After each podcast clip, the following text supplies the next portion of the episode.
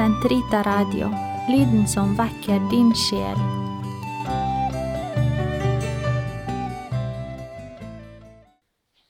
Den katolske kirkes katekisme, uke 41, tirsdag.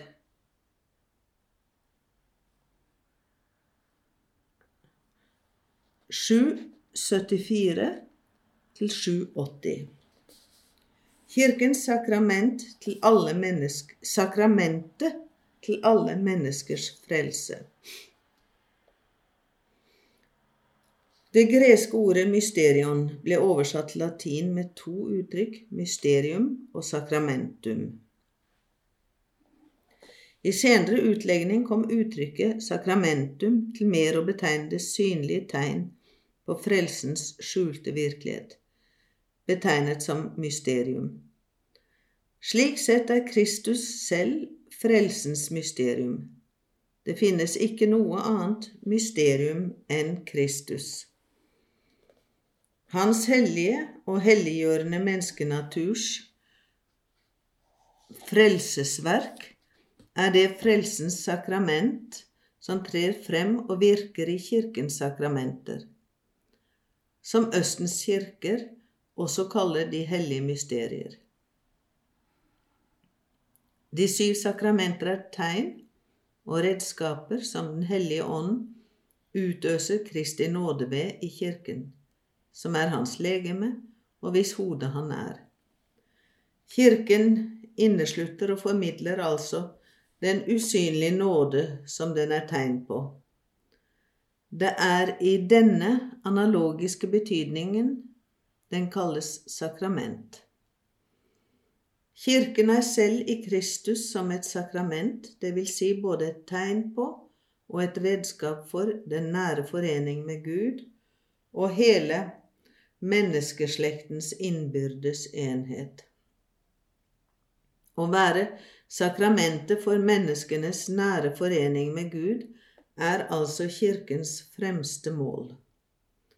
Siden menneskeslektens enhet springer ut av foreningen med Gud, er Kirken også sakramentet for menneskeslektens innbyrdes enhet.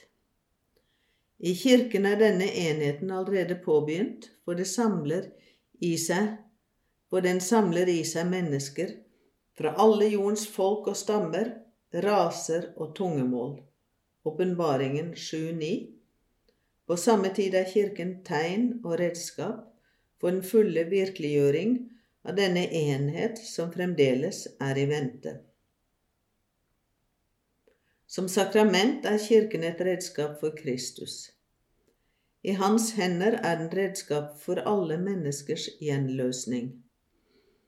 Det allmenne sakrament til frelse, som Kristus samtidig åpenbarer og virkeliggjør mysteriet, mysteriet om Guds kjærlighet til menneskene ved. Den er det synlige prosjekt for Guds kjærlighet til menneskeheten, som vil at hele menneskeslekten skulle danne et Guds folk vokse sammen til Kristi ene legeme og oppbygges til det ene Helligåndens tempel. Kort sagt Ordet eklesia, kirke, betyr sammenkalling. Det betegner forsamlingen av dem som Guds ord kaller til å utgjøre Guds folk, og som, ved å næres av Kristi legeme, selv blir Kristi legeme. Kirken er på en og samme tid veien og målet for Guds plan. Den var i billedlig form til stede i skapelsen. Den forberedtes i den gamle pakt. Den ble grunnlagt ved Jesu Kristi ord og gjerninger. Den ble virkeliggjort ved hans gjenløsningskors og hans oppstandelse. Den ble åpenbart som frelsesmysterium ved Den hellige ånds utgytelse. Den skal fullbyrdes i himmelens herlighet som forsamlingen av alle jordens gjenløste. Kirken er på en og samme tid synlig og åndelig, et hierarkisk ordnet samfunn og Kristi mystiske legeme. Den er én, dannet av et menneskelig og et guddommelig element.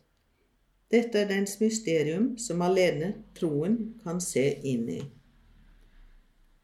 Kirken er i denne verden frelsens sakrament, tegn og redskap for samfunnet mellom Gud og menneske.